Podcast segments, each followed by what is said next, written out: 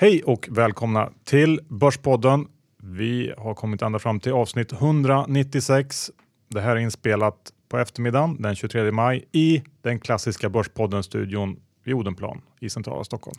Jajamän Johan, och det är ju du och jag som vanligt. Japp, och vi har med oss vår relativt nya säger jag, huvudsponsor IG Markets. De ska köra ett eh, väldigt kul event den 31 eh, maj som eh, kommer att handla om vad då Johan? Ja, det kommer ju vara live trading event och kortfattat så är det två stycken traders som sitter och handlar live. Eh, Tradingkändisen eller Twitterkändisen Erik Hansén är moderator och eh, det här tycker jag verkligen att man ska försöka gå på om man eh, är intresserad av just trading.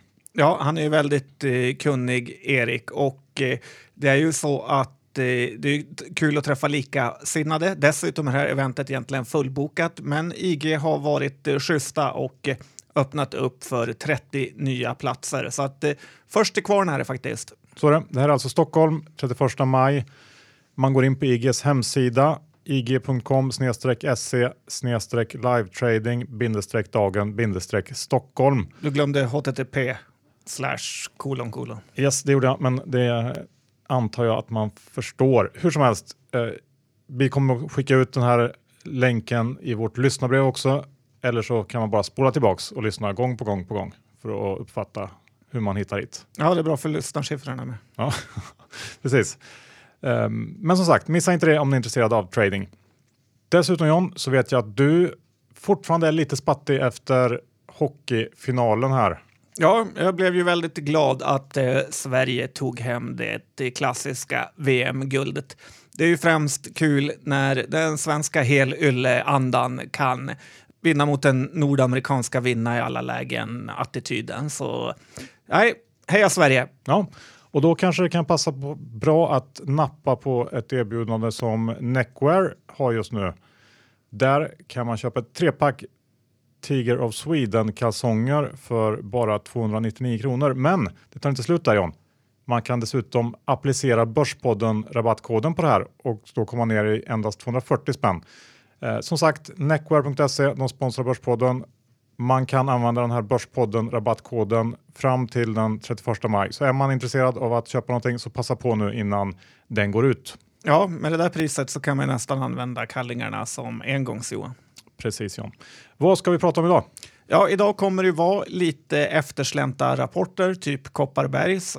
Det kommer också handla om Brasiliens ekonomi och eh, även det politiska läget med Trump. Ja, och jag har tittat på självkörande bilar och vad det kan komma att innebära för ekonomin. Innan vi kickar igång John, Lendify har ett budskap.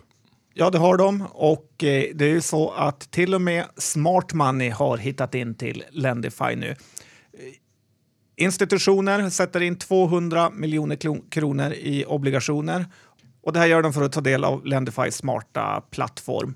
Så om Smart Money har hittat till Lendify så tycker jag att du också kan göra det. Gå in på lendify.se och läs mer om det här. För du och jag har öppnat konto Johan och vi är väldigt nöjda. Så är det. Nu kör vi igång dagens avsnitt.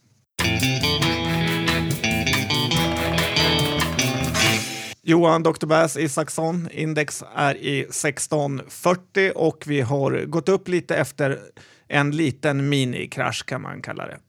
Ja, exakt. Jag hade hoppats på att vi skulle få en follow true där som man säger, men icke sa icke och börsen börjar nu kännas lite som att vi går in i sommarstiltje redan nu. Det är väl lite kapitalmarknadsdagar här och var, men annars så händer det väl ändå inte så mycket, utan jag för egen del har istället riktat min blick mot eh, bitcoin-delen av börsen. För bitcoin har ju fullständigt exploderat på slutet. Eh, börjar väl närma sig en 100% uppgång på bara en månad där. Ja, det är hela världens eh, fingerprint eh, tycker jag. Så kan man se det och det här är väl delvis drivet av det här ökade intresset från Japan där man under året bland annat legal legaliserat bitcoin som eh, betalningsform.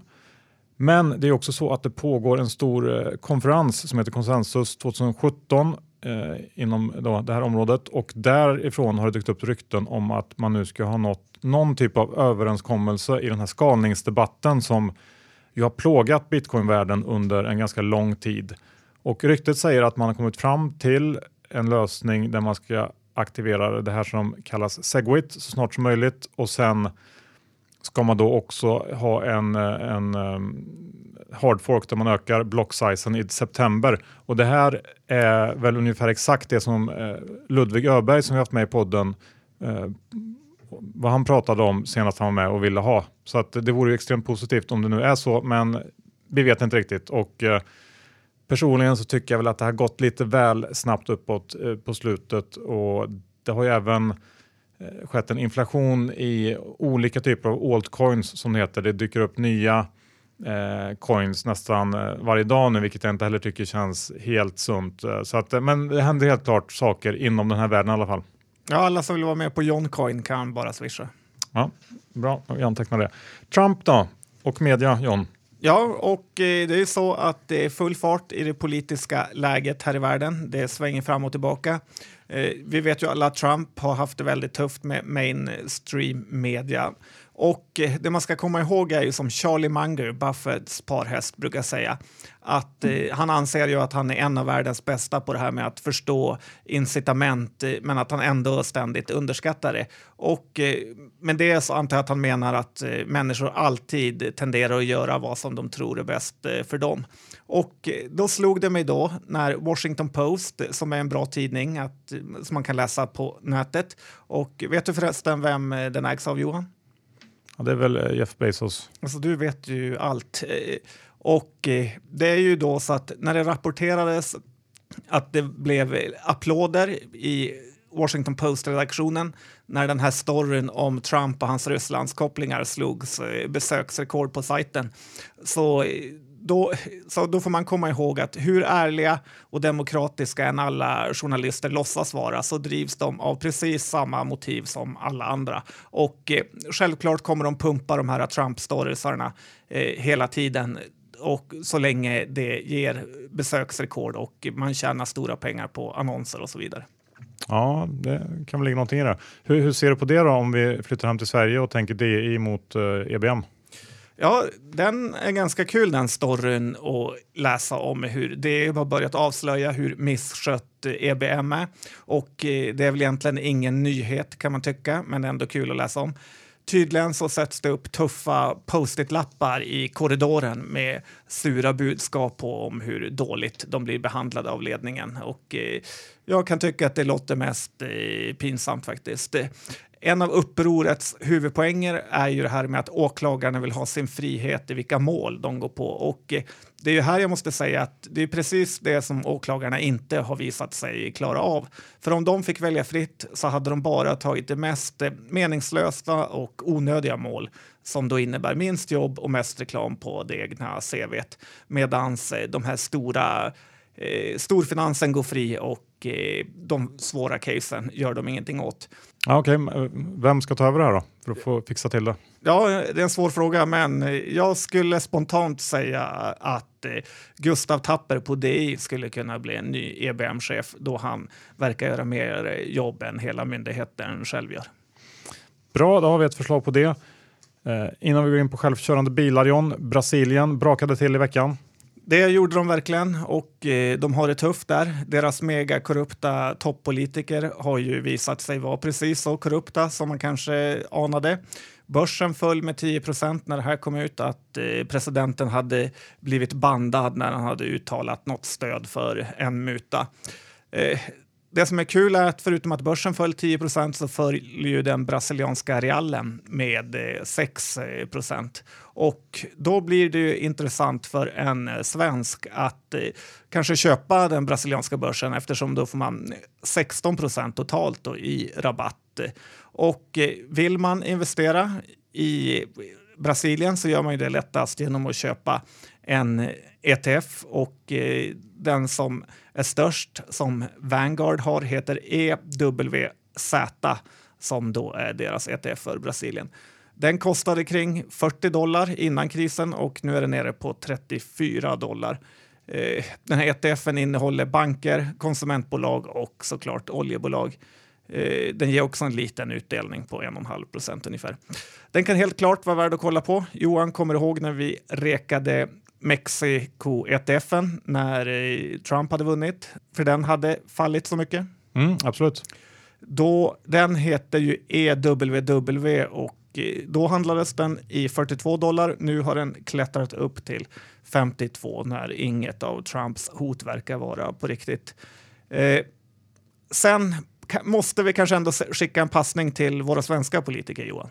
Ja, vad tänker du på? Ja, det är ju hur extremt icke-korrupta de verkar vara i de flesta fall. Nyligen när den här Tobias Tobé, tror han hette, var i blåsväder för att han hade använt sina SJ-poäng som han hade fått i tjänsten då genom att köpa en liten, liten vinflaska och en ostmacka så blev det världens mediadrev. Och eh, jag fick få lite känslan av att ge killen ett eh, break och skriva om något eh, riktigt istället. Ja, ja, jag håller med dig faktiskt. Ibland går det lite för långt. Och på tal om det här med svenska politiker. Jag vet att du har sagt att om du skulle vara statsminister, då skulle du direkt, det första du gjorde, det skulle vara att lägga ner järnvägen. Ja, det är en av alla saker jag skulle göra första dagen. Ja, och det är möjligt John att du inte ens kommer att behöva göra det när du väl blir statsminister. För jag har den här veckan läst en rapport från en tankesmedja kanske man kan säga som heter Rethink X och den handlar om transport och bilindustrins framtid.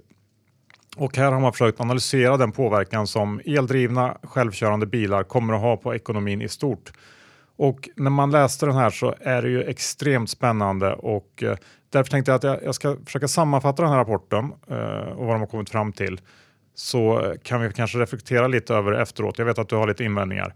Och eh, vi kan även lägga till en länk i lyssnarbrevet eh, så att folk som är intresserade kan ladda ner den här sen.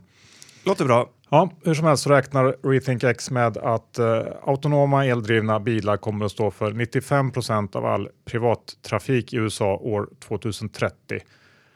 Och då att privatägandet av bilar mer eller mindre kommer att försvinna och vi kommer istället servas av stora bolag som levererar transport som en tjänst något man kallar för TAS eller TAAS. Och eh, det här kommer då såklart att medföra enorma följdeffekter för bilindustrin, oljeindustrin, eh, försäkringsbranschen och så vidare.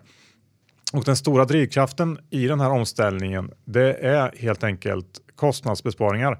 Man räknar med att en genomsnittlig amerikansk familj skulle spara 5 600 dollar per år eh, i då lägre transportkostnader genom att konsumera transport som en tjänst istället för att äga sin egen bil.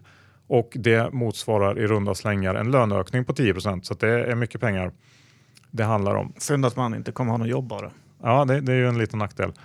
Eh, och det som gör den här stora besparingen möjlig är bland annat att man då räknar med att utnyttjandegraden av bilarna skulle öka, öka med 10 gånger jag tror att utnyttjandegraden ligger kring 4% i dagsläget på en, en genomsnittlig bil som en privatperson äger. Eh, så ökar tio gånger samtidigt som livslängden på de här självkörande elbilarna är betydligt längre än våra nuvarande, ungefär 2,5 gånger så lång livstid och samtidigt då som kostnader för service, försäkring och så vidare minskar drastiskt. Eh, och det här i slutändan resulterar i att TAS, jämfört med att köpa en ny bil kommer att vara någonstans mellan 4 och 10 gånger billigare per mil. Och jämför man med en eh, person som har en, en befintlig bil redan så kommer TAS ändå att vara mellan 2 och 4 gånger billigare per mil. Eh, och det här ska då vara möjligt redan år 2021. Och att man har valt år 2021 eller kommit fram till år 2021 det beror helt enkelt på att det är då man tror att ja, dels att självkörande bilar kommer ha uppnått den tekniska höjd som krävs men också att de regulatoriska godkännanden som behövs eh, finns på plats för att det här ska kunna slå igenom då på bred front. Och det här väntas leda till en rejäl minskning av personbilar på de amerikanska vägarna från nuvarande 247 miljoner bilar till 44 miljoner bilar, vilket då får som en följdeffekt att stora markområden kan, kan användas till annat, bland annat. Och eh, antalet bilar som säljs varje år väntas minska med 70 procent, vilket då sätter press på hela, hela kedjan inom, eh, inom bilsektorn. Allt från biltillverkare till återförsäljare, service och försäkring. Då. Och en annan bransch som kommer att påverkas rejält av det här det är ju oljeindustrin. Efterfrågan på olja väntas väl pika eh, kring 100 miljoner fat per dag 2020 för att sedan tappa till 70 miljoner fat per dag 2030 när det här ska vara eh, ja, fullt eh, utbrett. Och det här slår såklart hårt mot alla stora oljeländer och, och all infrastruktur som är uppbyggd kring oljeindustrin. Eh, den geopolitiska effekten eh, som det här får blir också stor. Eh, de, den stora betydelse som många oljeländer har kommer väl helt att försvinna och eh, Eh, det är möjligt att litium som är en viktig beståndsdel i batterier eh, kan få större betydelse. Kanske inte lika stor som vanliga haft historiskt, men ändå. Eh, och sen så får man inte heller glömma bort de positiva effekter som det här skulle innebära på miljö och luft. Och hela den här rapporten egentligen, den bygger på att vi då snart når någon typ av tipping point där tillväxten och adaptionen av den här typen av teknik eh, blir exponentiell och, och tar formen av en S-kurva och verkligen eh, exploderar. Och hur troligt det är, är ju svårt att bedöma tycker jag som lekman, men det är ju ändå intressant att tänka på de här grejerna för att det blir ju otroliga följdeffekter när det som jag antar är världens största industri kan, kan liksom disruptas på det här sättet. Ja, det var bra takes. Däremot är man ju väldigt tveksam till såna här tankesmedjor som verkligen vill sticka ut för att nå fram med sitt eh, budskap. Eh, eh jag gillar den här poängen att bilen ska användas eh, tio gånger mer men hålla två och en halv gånger längre. Ja, det är väl, det är väl antar, jag tror att det är i antal mil eh, som bilen ska färdas då är två och en halv gånger längre. Och det beror väl på att eh, jag tror en, en elbil har eh, Eh, eller en elmotor har 20 rörliga komponenter jämfört med en, en eh, förbränningsmotor som kanske har 2000 komponenter. Så det, är ju betydligt färre felkällor i en elbil vilket också gör att, att service och sånt minskar. Du låter precis som Hybricons vd gjorde på den gamla goda tiden och eh, där vet vi hur det gick. Ja, du har ju redan, du har redan eh, fallit för det här konceptet en gång så du, du är lite lut, mer luttrad än vad jag är.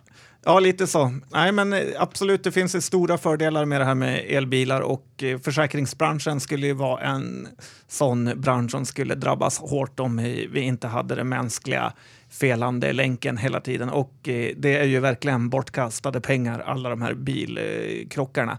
Däremot så tittar jag igen på den här VM-krönikan från Mexiko 1986 och då slog det mig det här med att alla tycker det går så otroligt fort framåt i utvecklingen när Tittar man på kanterna vilka som sponsrar VM 1986 så var det precis samma företag som gör det idag. Det var McDonalds, det var Coca-Cola, med mera. Eh, så inga nyheter där. Vi tror alltid att det ska gå så fort, men det gör det inte. Nej, du har ju en poäng där. Jag vet inte hur man ska se på det. Um, och om nu det här blir sanning så är det kanske lättare att hitta eh, riktigt stora förlorare på det här än eh, vinnare. Men någonstans tänker jag ändå att eh, hur man än vänder och vrider på det så borde ju ändå efterfrågan på el öka för att vi känns som att vi går mot allt mer eldrivna fordon på något sätt och eh, det borde i sin tur leda till ökat investeringsbehov i, för elnätsägare och eh, ja, allmänt eh, tryck inom den, den delen av eh, industrin. Så allt kokar ner till att det var bra för Studsvik helt enkelt? Exakt. Nu går vi vidare till den brända jordens taktiken.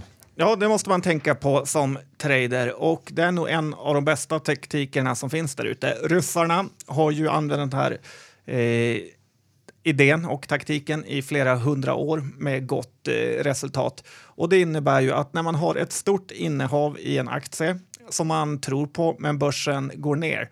Så istället för att stå stödköpa så ska man börja sälja med eh, även om man har slutmålet då att eh, försöka köpa tillbaka aktier när man har sålt fast eh, billigare då.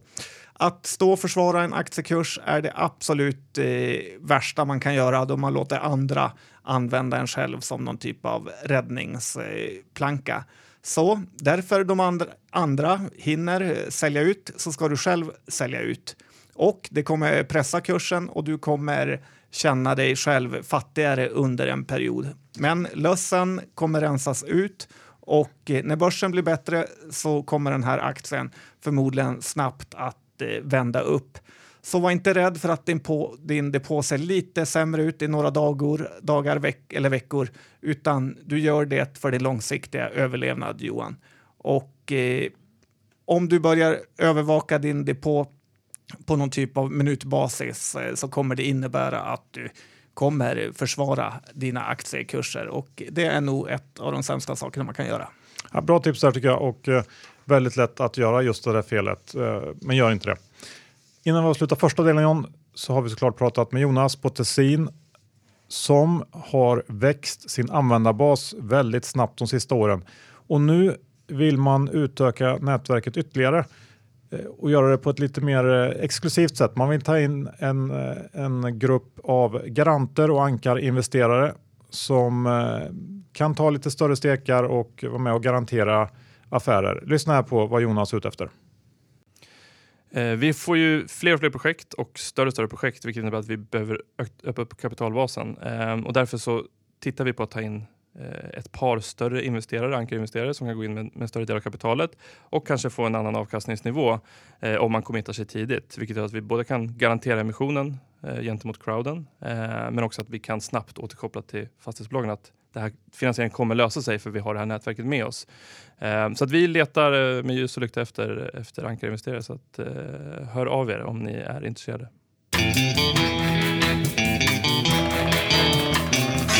John, nu ska vi prata bolag. Igår var jag och lyssnade på eh, ett par bolag på SvD Börsplus temadag. De hade eh, en temadag som de kallar digitala vinnare och där var bland annat Bahnhof och eh, Solaris på plats. De lyssnade jag på.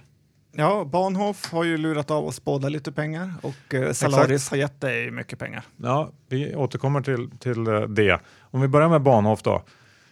Så kan man ju bara konstatera att de har gjort en väldigt imponerande resa och eh, man gillar verkligen den här inställningen de har när det gäller att försvara sina kunders data och integritet och inte ge ut uppgifter till myndigheter och så vidare. Jag förstår att det är en position som, som funkar för dem eh, och att det är ett bra sätt att sticka ut på en marknad som i övrigt är, det är en produkt som, som är väldigt generisk, det är ju vad det är. Eh, så det är smart tycker jag. Um, Aktien handlas till ev-ebit ungefär 15 på årets prognos enligt Börsplus. Och det tycker jag känns, det känns väl helt okej okay och kanske till och med köpvärt om den här tillväxten håller i sig. Men det är väl det som är, eh, det är på den punkten som jag känner mig lite tveksam. Man kan ju fundera på hur mycket vi har kvar av den här stora fiberutbyggnaden som har pågått i några år nu och de kan säkert fortsätta ta kunder från andra aktörer under en ganska lång tid framöver. Men den stora eh, tillväxten kommer ju ändå från den här massiva fiberutbyggnaden vi har haft eh, ett tag och det kanske är några år kvar men hur ser det ut sen? Jag vet inte riktigt. Det är väl det jag tvekar lite på. Eh, tyvärr har jag aldrig ägt Bahnhof själv men som du sa, både du och jag stoppade ju in pengar i deras än så länge misslyckade datahallsprojekt Elementica. Mm, 80 papp eh, out of the window. Ja, vi får väl se vad som händer med de där pengarna. Man har inte hört ett knyst egentligen när, sen man stoppade in dem för något år sedan. Och Ibland tror jag att det är ett sånt där bedrägeri man har gått på, att man fick ett mejl och stoppa in och sen försvann de. Ja, man kan tro det. Eh, det som har hänt är väl helt enkelt att eh, Bahnhof missbedömde eller underskattade svårigheten att få kunder att signa upp sig på den här tjänsten långt innan själva datahallen existerade. Och samtidigt så vill Bahnhof inte börja bygga utan att ha kunder klara. Så att det är lite moment 22 där på något sätt. Nämnde de något hur mycket pengar som finns kvar? Nej, det sa de ingenting om alls. Det kunde du fråga dem Johan. Man fick inte fråga någonting. Okej. Okay. Det, tycker... det var bara Benson som fick fråga saker. Ah, det är alltid han. Men det jag tycker med det du nämnde om Bahnhof, så det de, flera av de här bredbandsoperatörerna säger är ju att när utbyggnaden är slut så kan man istället börja höja priserna och få betydligt mindre capex-investeringar, vilket kommer påverka lönsamheten eh, positivt. Så tillväxten kanske avtar, men lönsamheten ökar. Jag är i grunden väldigt positiv till bredbandstjänster. Ja, men absolut. Det är ju här för att stanna om man säger så. Men jag lyssnar också på Solaris, eh, ett av mina favoritbolag. Hans, Förstod du norskan? Ja, jag är ju från Värmland vilket eh, betyder att man är typ seminorsk. Mm, förutom att man är fattig. Ja, precis. precis. Eh, Det var i alla fall Hans Petter där, vd på Salaris och han gav ett väldigt stabilt intryck måste jag säga. Eh, Salaris har också gjort en, en imponerande eh, organisk tillväxtresa från starten där kring år 2000 och eh, jag tror att jag har, eh, jag har ju pratat om bolaget förut, men man hjälper ju sina kunder att spara runt 20-30 procent av kostnaderna för personalhantering genom outsourcing och eh, jag har svårt att se att, att det här inte kommer att öka. Som vi har varit inne på tidigare så, så, innebär affärsmodellen också långa kontrakt med återkommande intäkter, vilket man ju då uppskattar som börsaktör och har en kund väl bytt till Salaris så ska det väldigt mycket till för att kunden ska lämna.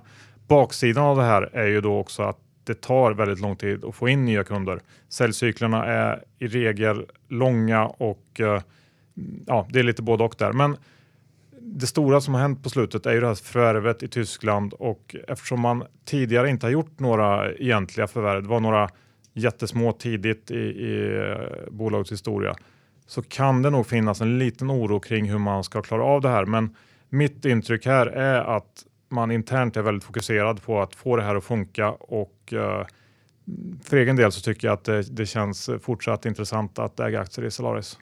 Ja, du har haft helt rätt där tidigare, så det är väl bara att eh, fortsätta tro på dig. Ett bolag som du har haft rätt i John är ju iMint. Ja, jag trodde du skulle säga Aino där när du smilade så mycket. Eh, men iMint eh, tog idag sitt nya 52 week low och eh, vissa kanske är förvånade, men här sitter som du nämnde en som inte är det. När håsen var som värst så försökte jag i alla fall behålla förståndet, Johan. Och det vore ju kul, tycker till och med jag, om Widhands blev eh, det nya inom videostabilisering. Men jag har så svårt att se hur några få datanördar som sitter i samma hus som Smålands nation i Uppsala ska ha en sportslig chans att eh, på lång sikt kunna slåss mot eh, amerikanska och eh, asiatiska jättar inom det här området. Intäkterna som iMint får in, för de har nyss kommit med kvartalsrapport, är ju också väldigt, väldigt låga. Två miljoner har jag för mig. iMint red ju mycket på, av den här Fingerprint-vågen som när den var som värst och nu när den är över så tror jag ju att iMint eh, som aktie kommer att få det ganska svårt med. Ägarna har cashat hem och eh, jag vidhåller, eller Johan, vad ska jag säga, vidhansar Ja, gör det. Min eh, säljrek. Eh, om man ska säga något positivt om det här så är det ju att bolaget har så liten organisation så att de bränner väldigt lite pengar och har mycket pengar i kassan så det är ingen nyemissionsrisk i alla fall. Nej, så är det nog. Ska vi gå över till stoppar som går, för det är vår. Ja, så kan man säga. Jag har fått eh, stoppa ut lite, eller allt av mitt Oscar Properties-innehav och det är av eh, två anledningar. Det ena är att den bara verkar gå ner och jag köpte lite för mycket när eh, rapporten kom. Och det andra är att det sista jag vill bli sittande med under en börsnedgång är sådana här byggbolag. Oskar Engelbert sa att han skulle lämna lite på bordet när han gjorde den här placingen till de övriga investerarna. Eh, tyvärr verkar det mest som att det var förluster han tänkte lämna kvar. Nej, men man ska inte skylla på honom. Men det är alltid svårt att veta hur en aktie ska röra sig. Men jag tycker det här är ett intressant bolag och de har många intressanta projekt. Men när man ligger back i en aktie som inte går som man vill så är det mycket bättre att ta stoppen och stå utanför ett tag än att eh, snitta ner sig. Ja, så är det. Och jag tror verkligen inte att Oscar Properties är ett bolag där man ska vara tuff i och spela Allan Ballan, utan eh, går det fel där så är det bättre att eh, avvakta lite, tror jag. Så är det. Under finanskrisen 2008 så tappar ju JM närmare 90 procent av sitt värde och eh, JM känns ju nästan stabilt i jämförelse med Oscar. Ja, så är det. Ett bolag som är hyfsat stabilt ändå måste jag säga är ju Telia. Och Telia har gått bra på slutet, närmar sig 40-lappen. Ja, kul att den är uppe där. Det var väl några år sedan sist. Ja, något sånt kanske, i alla fall ett. Eh, och jag tycker också det är kul, även om jag inte äger några aktier. Men vad som också är kul är att de igår köpte Nebula från Ratos och eh, Wright. Och här har vi ju en kille som eh, verkligen är on fire nu. Kristoffer Häggblom på Wright. Allt han tar i verkar bli ett guld. Allt från att de är storägare i G5 till eh, att de har lyckats få igång surdegen Qliro eh, och gick in där på botten. Så att eh, kul för Kristoffer. Ja, vi har ju till och med jobbat med honom, så det är kul när det går bra för andra. Ja, vi, vi går vidare. Diadrom gjorde en ägarspridning här i veckan, John. Det gjorde de och eh, det är som man brukar säga, gratispengar har varit framme och delats ut på börsen. Och då var Pappi såklart där för att delta. Diadrom gjorde ju den här ägarspridningen på 12,85 där de befintliga ägarna sålde ut aktier med motivering att de ville öka likviditeten. Eh, Diadrom är ju ett eh, konsultbolag inom fordonsbranschen så att eh, den här utförsäljningen kom ju ganska lägligt efter deras fina Q1. Spridningsemissionen blev inte ens fulltecknad och eh, samma dag som man fick de här aktierna så gick det att sälja dem på 14 kronor. Eh, och ibland är börsen nästan för bra för att vara sann. Jag tänkte teckna väldigt mycket aktier, men då den här minibörskraschen kom så sänkte jag till ungefär hälften, vilket var lite snöpligt så här i efterhand. Men det blev ändå en bra peng in. Jag har, sett, jag har sett att det håsats eh, lite grann på olika forum eh, för Diadromaktien, men tänk då på att det är mestadels de som har tagit eh, i den här placingen som på 12,90 då som är ute och håsar. Personligen är jag lite orolig för alla konsultbolag inför Q2 och Eh, själv så agerar jag ju nästan alltid efter mottot att det är en bet bättre med en fågel i handen och eh, jag tycker att det är relativt självklart att man ska ta hem gratis pengar när det finns eh, från bordet. Eh, sen får man ju ge lite cred till Avanzas Korp som eh, verkligen steppat upp sig i sista tiden. Eh, för det här är ju en sån här win-win deal där alla blir nöjda. Eh, för något år sedan så har vi varit väldigt kritiska till deras case när de tog till börsen. Kommer du ihåg Hansa? Ja, absolut. När den gick in på 27 som sen kollapsade. Även via Automotive är ju ett eh, gammalt Avanza Corp-case har jag för mig. Eh, så bra jobbat Avanza Corpen. Ja, absolut. Och vi eh, går över till eh, Intrum tänkte jag, Intrum Justitia, ett bolag som jag inte gillar. Nej, du och blankarna har gett er på det. Ja, och eh, det var nog lite blanka fest förra veckan för då tappade ju Intrum ganska rejält när det framkom att EU-kommissionen tvingar bolaget att avyttra en hel del verksamheter för att det här köpet av Lindorf ska kunna gå igenom. Och det här kom väl då som en överraskning för marknaden antar jag som sänkte aktien med nästan 12 och totalt sett så handlar det om att det är någonstans 12-13% av resultatet som försvinner i de här avyttringarna och man räknar nu med 30% lägre kostnadssynergier som ett eh, resultat av det här. Och det finns såklart en risk i att man inte får särskilt bra betalt för tillgångarna som ska säljas eftersom alla vet att de måste säljas och att det också måste ske ganska snabbt. Eh, dessutom så ska man vara medveten om att eh, Intrum värderas med en premie mot eh, peers i övrigt. Så sammanvägt så förstår jag marknadens reaktion eh, efter här, den här nyheten. Eh, och aktien hade ju dessutom gått väldigt bra innan det här så eh, att den står i ja, runt 300 kronor efter, efter det här fallet eh, är fortfarande alldeles för dyrt i mitt tycke så att eh, inte de skulle jag akta mig för. Bra. Då passar det bra att eh, prata om Kopparberg. De har ju årsstämma idag. Undrar om eh, de börjar bli lite fulla där nere i Kopparberg nu. Kanske. För att eh, det här var en ganska bra rapport som kom och eh, det är ju och det var till och med ett eh, litet vd-ord från bossen. Han kanske har eh, börjat förstå att det är bättre att skriva något där än att få 150 mejl av eh, olika aktieägare. Det här kvartalet var det bästa någonsin för en Q1 och eh, nu vet man inte riktigt hur det här med påskeffekten har slagit för Kopparbergs för Arcus, det norska sprit och vinbolaget, så var ju påsken eh, dålig. Eh, det är möjligt att det inte spelar lika stor roll för Kopparberg då man kanske har haft den här införsäljningen innan själva påsken, typ som att Cloetta alltid har ett bra kvartal innan jul och innan påsk. Eh, men när själva påsken eh, kommit så har all försäljning redan sett. Eh, men tror man på Kopparberg så finns det absolut ingen anledning att eh, sluta nu. Till och med jag Johan, jag säger att det kommer vända för aktiekursen här. Jag trodde ju på ett vinstfall för i år och eh, det verkar inte behöva bli nu och då tycker jag aktien är eh, köpvärd.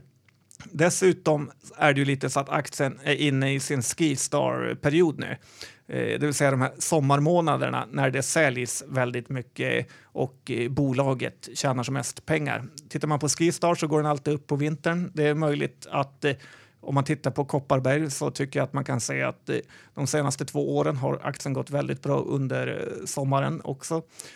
Utdelningen avskiljs imorgon också, så jag tror det här är ett intressant intressant case framöver. Kassaflödet var lite svagt. Men så är det väl ofta för ett bolag som växer lite. Så ja, det är mitt verdict Johan. Kul, ett, ett, en hel omsvängning här från dig. Ja, men jag är inte sämre än att jag kan ändra mig. John Scott då? Nej, där får jag göra ett till studiebesök för att kunna eh, ge. Kanske idag Johan. Under reviewen då? Lite så. Ja. Ska vi gå över till en eh, populär utdelningsrate, raten O i USA? Oh, ja, den är faktiskt väldigt eh, populär. Det är flera tusen personer som äger den bara på Avanza har jag sett. Och eh, det är ju så att eh, svenska fastighetsaktier har eh, gått upp ganska mycket sista tiden. I USA däremot eh, så har de gått väldigt eh, dåligt, några, de, framförallt de här raterna.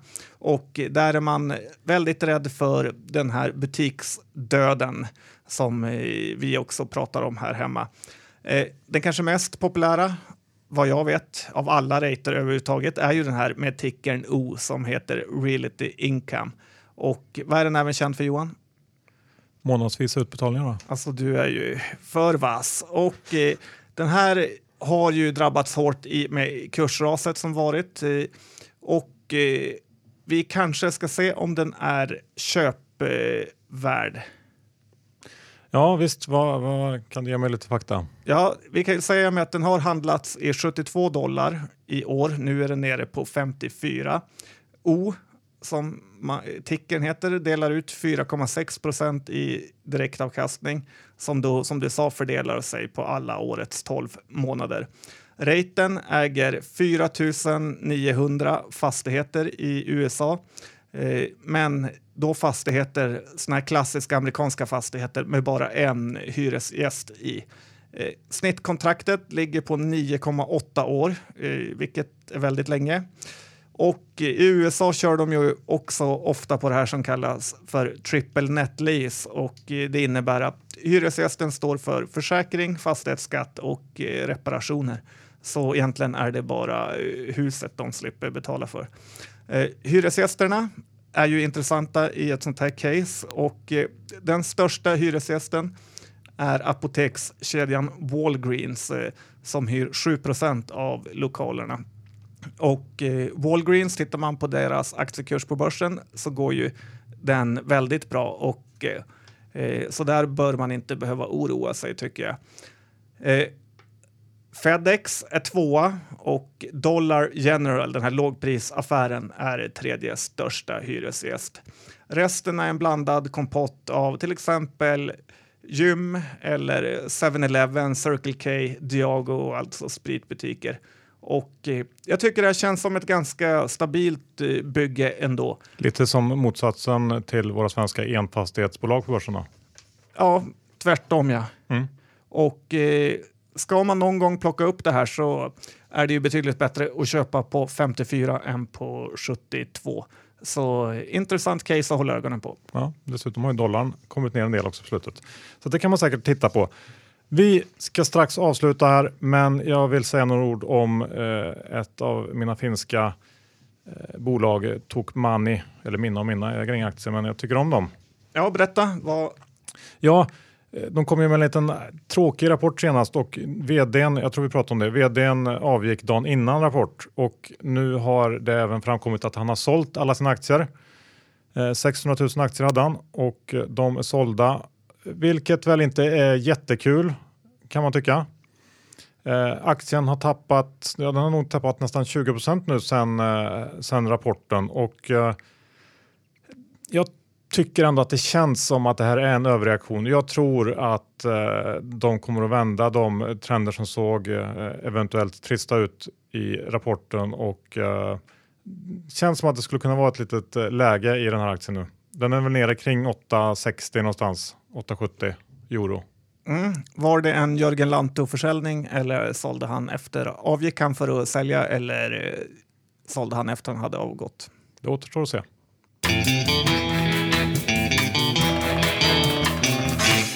Tack för att ni lyssnade på Börspodden avsnitt 196. Ni som är intresserade av IGs trading-event där ni kan titta på två stycken traders eh, live-trada. Låter ju fantastiskt. Jag vet inte hur man skulle lyckas eh, göra det själv, men, men i alla fall, det ska ske 31 maj i Stockholm. Så har vi 30 biljetter. Gå in på ig.com se live-trading bindestreck dagen bindestreck Stockholm. Först till kvarn. Mm, bra. Och annars kan man bara öppna ett konto på IG om man vill testa lite. Ja, det är också. Lendify har vi ju. Smart Money har hittat till Lendify, så hitta dit du med. Vi har konto och vi är nöjda. Jag hoppas Smart Money kommer bli lika nöjda. Ja, och eh, det är inte så lång tid kvar nu att använda den här rabattkoden Börspodden på neckware.se. Så kika in där och se om ni hittar något snyggt. Kalsonger ja. skulle du ha John?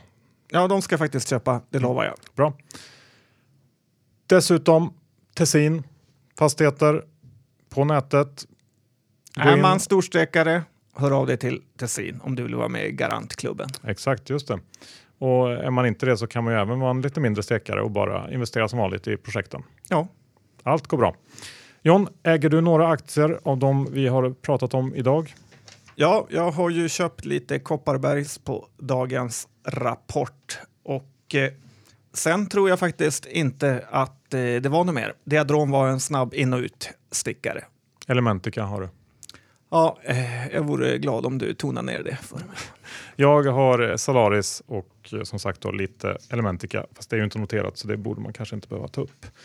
I övrigt så är det väl lugnt. Bitcoin såklart men annars inget. Så tack för att ni lyssnade och ha en trevlig långhelg den här veckan så hörs vi snart igen. Tack och hej!